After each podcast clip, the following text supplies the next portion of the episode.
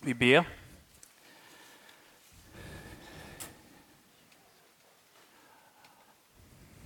Tack Jesus för den här morgonen. Tack att vi får samlas inför dig. Tack Jesus att du vill möta oss, att du vill ge dig själv till oss. Tack att du också vill tala personligt till oss, in i våra liv, in i vårt hjärta, i vårt inre. Vi ber dig helige Ande, du som är hjälparen, att du hjälper oss att lyssna i tro och ta emot. Och vi ber Jesus om, eh, om frälsning och helande och upprättande och liv från dig. Ske din vilja i Jesu namn. Amen. Ni hör mig bra? Idag är det tema tro och liv, är det den här söndagen. Tro och liv. Och texterna har lite fokus på det som handlar om hur tron, vad tron får för konsekvenser i mitt liv. En av texterna för idag, episteltexten, är hämtad från Romarbrevets 7. Vi kommer inte att läsa den än, för jag vill börja lite i en annan ände. Jag ska inte hålla på så fruktansvärt länge. Jag ska hålla på så länge så jag får säga det jag vill ha sagt. Romarbrevet 6 och 7 och 8 handlar om, som man kallar helgelsen. Det som har med, med trons växt och trons beroende till Jesus att göra. Och det som har att göra med att lever vi i trons gemenskap med Jesus så formar han våra liv. Och så formar han våra liv mer och mer så som han vill, efter sin sons bild, som det står på ett ställe. Men om man kollar på de tre kapitlerna så är det rätt så fantastiska verser i sjätte kapitlet, för där kommer Paulus in lite på att vi har dött bort ifrån någonting. Och i början av Romarbrevet 7 så kommer han in på att precis som en man och hustru va, som lovar varandra trohet och beroende tills döden skiljer dem åt. Men om den ene dör så är ju den andra fri att gifta om sig. Alltså döden löser, befriar. De första verserna i Romarbrevet 6 så står det så här. Vi som har dött bort från synden, det är det första vi har dött bort för här, som vi läser. Dött bort från synden. Hur skulle vi kunna fortsätta att leva i den? Eller vet ni inte att vi alla som har blivit döpta till Kristus Jesus har blivit döpta till hans död? Vi är alltså genom dopet till döden begravda med honom för att också vi ska leva det nya livet, liksom Kristus uppväcktes från de döda genom Faderns härlighet. Det Paulus säger här nu är att det har hänt någonting i dopet. Ni som var på det här frivilliga seminariet mot dopet får lite repetition nu. Men det handlar om att om man tänker att jag har kommit till tro, jag vill döpas, eller jag är döpt som barn och lever i tron, vad har hänt? Och vi tänker oss att jag står på denna sidan här, och så har vi en eh, vattenbassäng här, och så har vi en platå här igen. Så när vi döps så får vi lägga av någonting här på denna sidan. Därför att detta handlar om det som var förut, det som är gammalt beskrivs det i Bibeln, för en kristen som är där va? på andra sidan.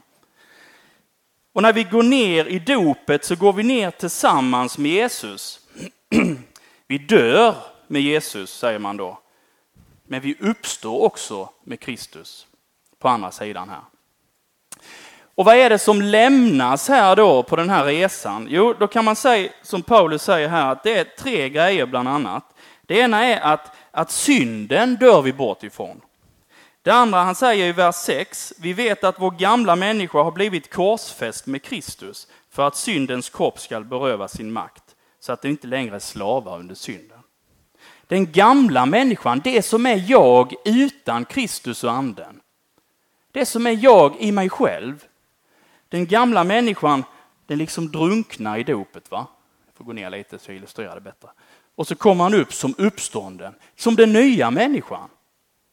Gud skapar den nya människan i oss, andens nya liv. Och sen inte nog med det, har man läst Romarbrevet innan då de andra verserna så har man förstått att det står också rätt så mycket om lagen, alltså det som är Guds vilja. Du skall, du skall inte. Den har vi också, säger han i vers 7 och 4. Så har också ni, mina bröder, genom Kristi kropp blivit dödade från lagen så att ni nu tillhör en annan, honom som har uppstått från de döda, för att vi nu ska bära frukt åt Gud. Så om vi tänker oss dopet och tron som förenar oss med Jesus, så lever vi i Jesus här. Vi lever, nu står jag så här, det är lite mer som, som vänner, va? men egentligen lever vi i Kristus. Vi är liksom så förenade med Jesus så att vi är i honom. Vad är det som är lämnat på andra sidan här då? Jo, på denna sidan är då på ett sätt kan man säga synden och den gamla människan och lagen. Och så står jag här och så kan man se, ja men synden, det kan vi ju kanske på olika sätt märka i våra liv. Va? Men synden är egentligen, vi har dött bort från den. Hur har det gått till? Jo, det är Kristus som har burit den i mitt ställe. Och genom tron är jag förenad med Kristus. Jag får följa honom i hans död, i hans uppståndelse. Så när synden kanske svider så får man ändå tänka som kristen, den är inte här, va? den är där, eller rättare sagt, den, det har ju Jesus gjort. Han har tagit den. Han har den. Va? Den gamla människan, jag kommer in på det här nu sen i dagens text, men jag ska bara nämna det med. Den gamla människan, han, han är korsfäst. Vi kan säga eh, med dopets bild, han har drunknat. Men ändå kan vi märka den gamla människan ibland. Ni som har varit på lägret nu tänker genast, förstår jag, på det som Fredrik Hector var inne på. Att det är någonting som vi har redan nu. Men vi har ännu inte det riktigt fullt ut som det var tänkt.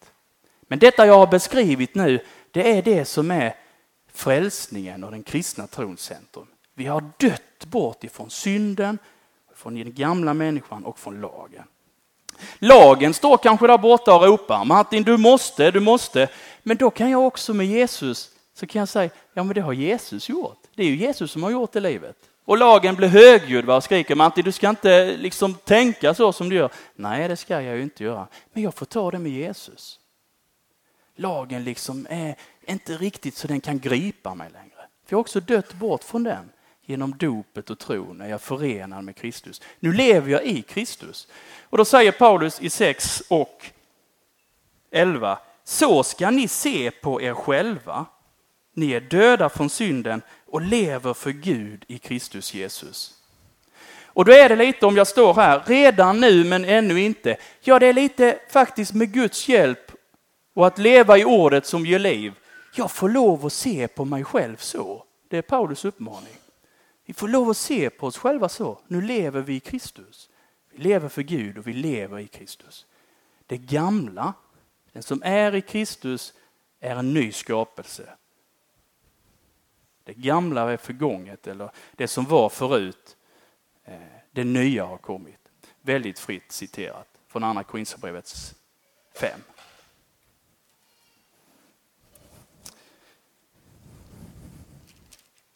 Varför det här? Det var mycket död här med och drunkning och så.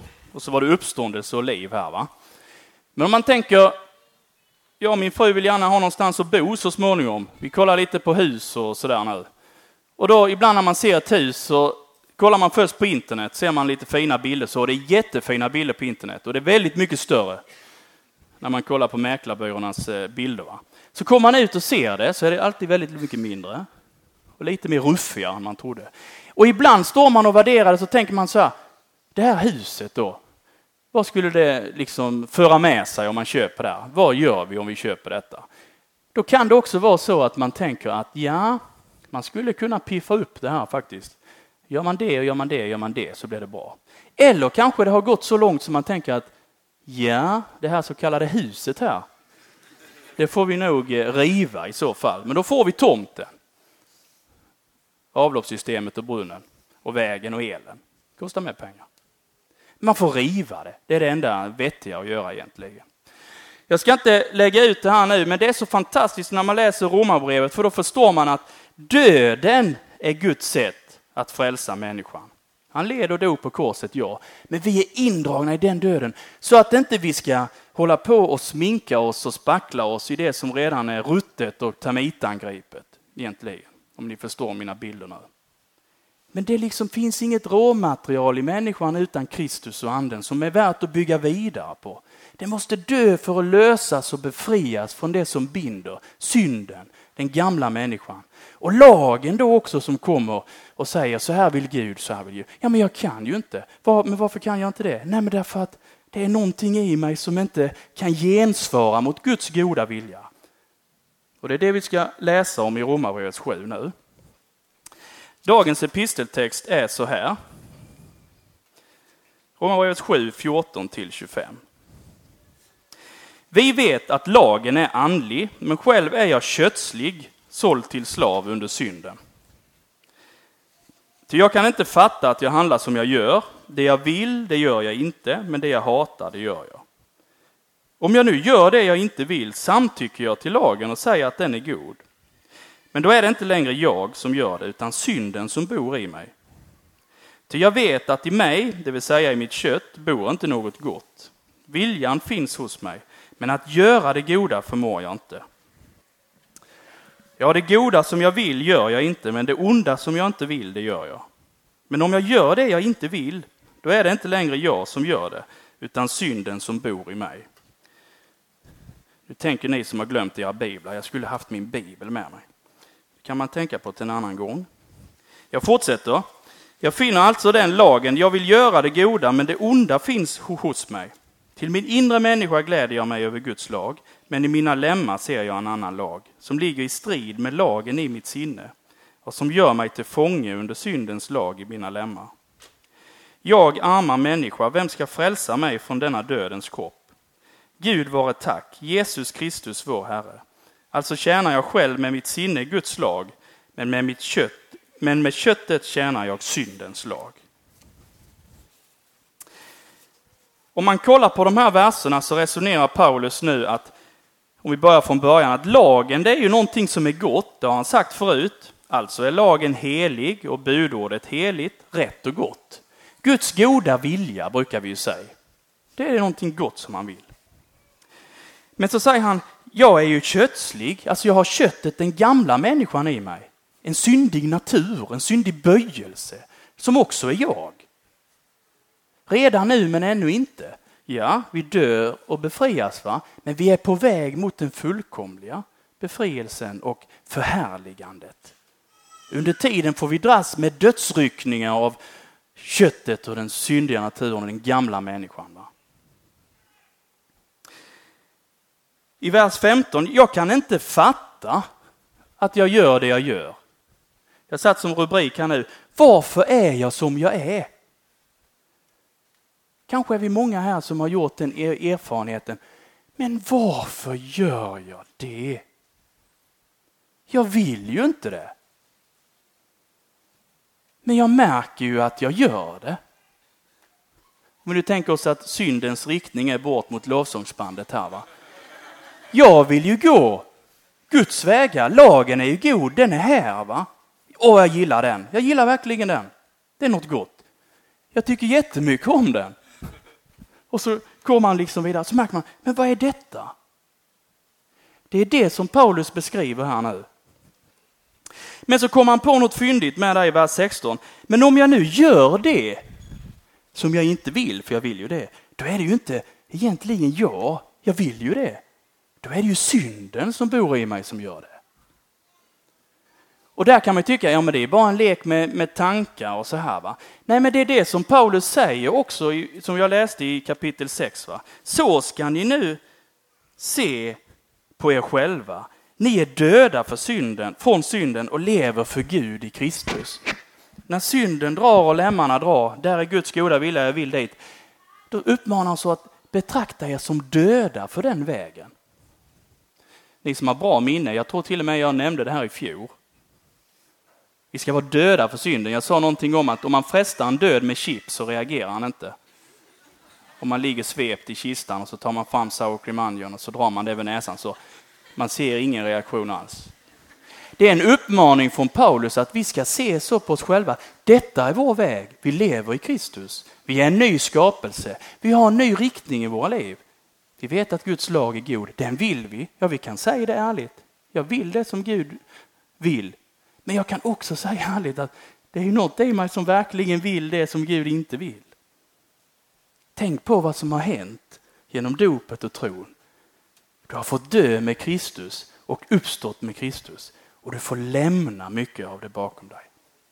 Men så redan nu och inne så sliter du och river och lemmarna kan man inte kontrollera. Då tänkte jag så här, en spastiker, en som har spasmatiska uttryck. Va?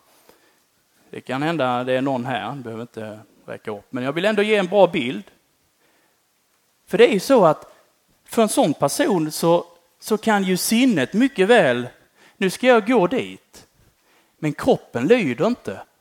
Kroppen gör något annat. va? Och så är det den här som Paulus beskriver nu. Ja, vi vill det, va? men vi kan inte fullt ut kontrollera synden i våra lemmar. Det är fullt krig. Och det handlar inte om omständigheter eller andra människor, utan man är ärlig så, det handlar om mig. Det är jag. Det är jag. Juridiskt sett. Jag är ansvarig för det jag gör. Men Paulus uppmanar oss att så ska ni se på er själva. Ni är i Kristus, ni är heliga, ni är rena. Och det är den vägen ni vandrar. Ni får leva i hans, det han har gjort. Han har vandrat den goda vägen fullt ut. Kristus är lagens ände, sa Bo här. Det är ingen som förstår det idag, det stod på någon talarstol. Kristus har uppfyllt lagen, Guds goda vilja, i vårt ställe. Vi lever i Kristus. När lagen ryter från andra sidan, Martin, du har inte gjort det här va? Jo, det har jag gjort. Egentligen. För jag lever i Kristus.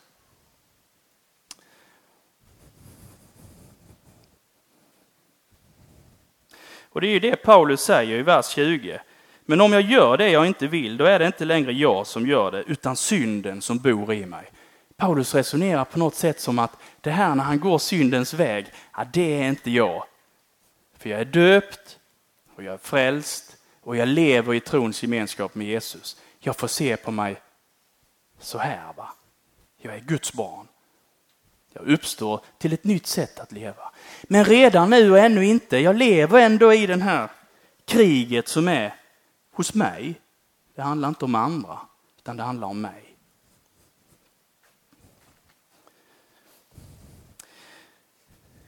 Det är väl det som djupast sett är vårt, vårt andliga problem kanske. Jag vill, men jag kan inte.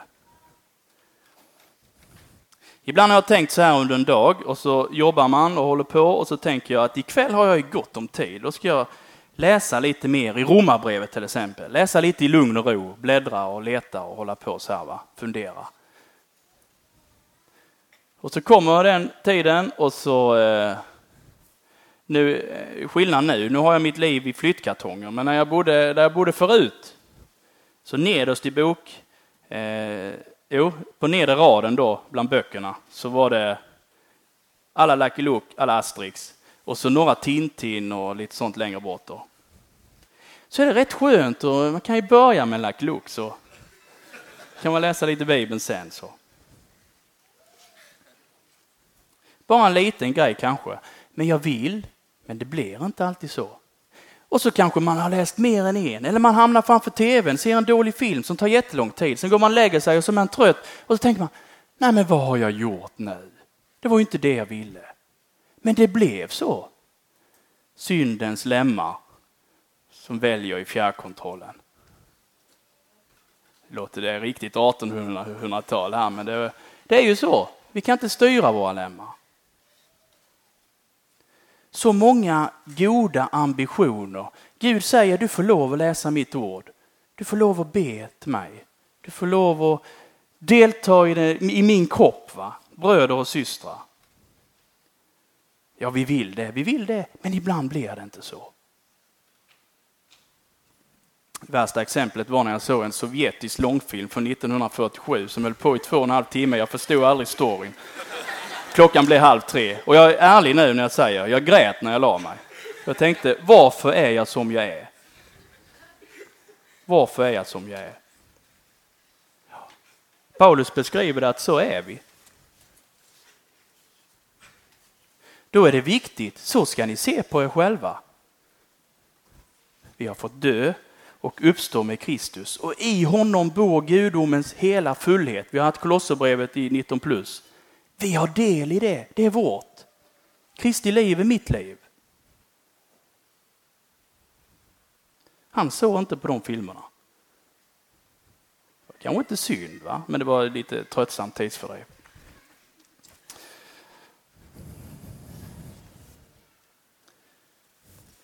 Kanske är vi många som känner igen oss. För det är ju de här goda ambitionerna, det är ju någonting som den heliga ande har tänt i våra liv. Jag vill ännu mer leva med dig Jesus. Jag vill ännu mer överlåta mig till dig.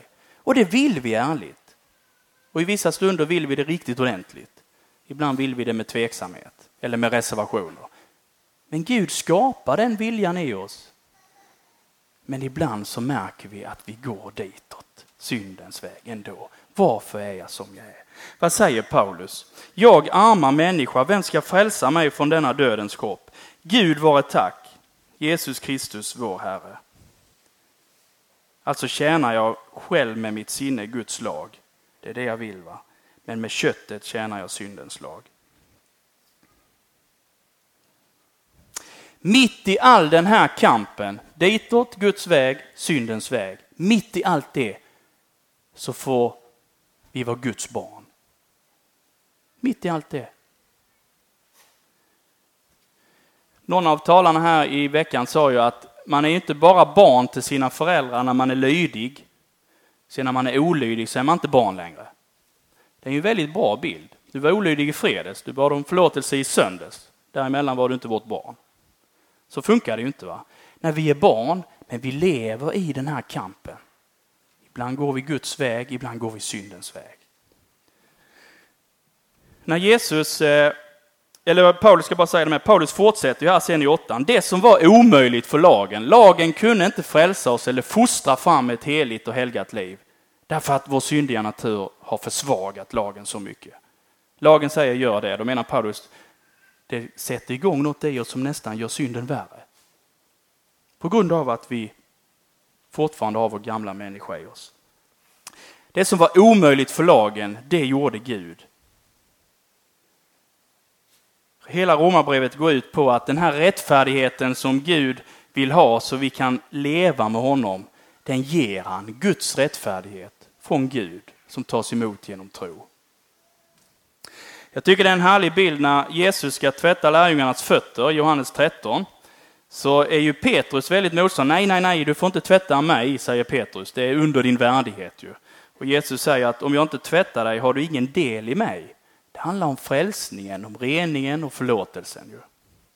Och så säger Jesus vidare sen, för Petrus säger tvätta liksom allt då, inte bara fötterna.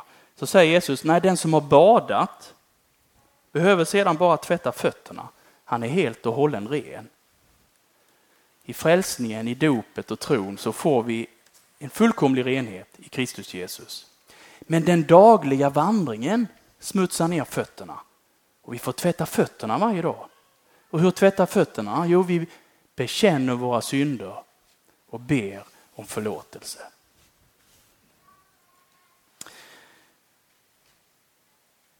Nu kommer vi snart att få ta emot Herren själv i bröd och vin.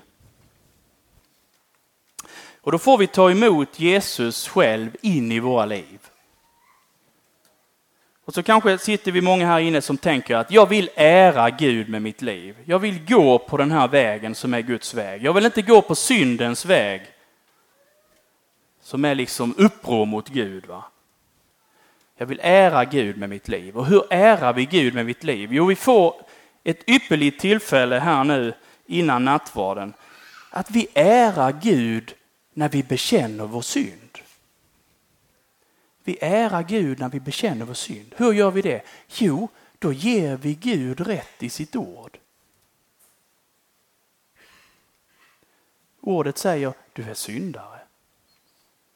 Men det pekar också på Jesus och säger det finns en frälsare för dig.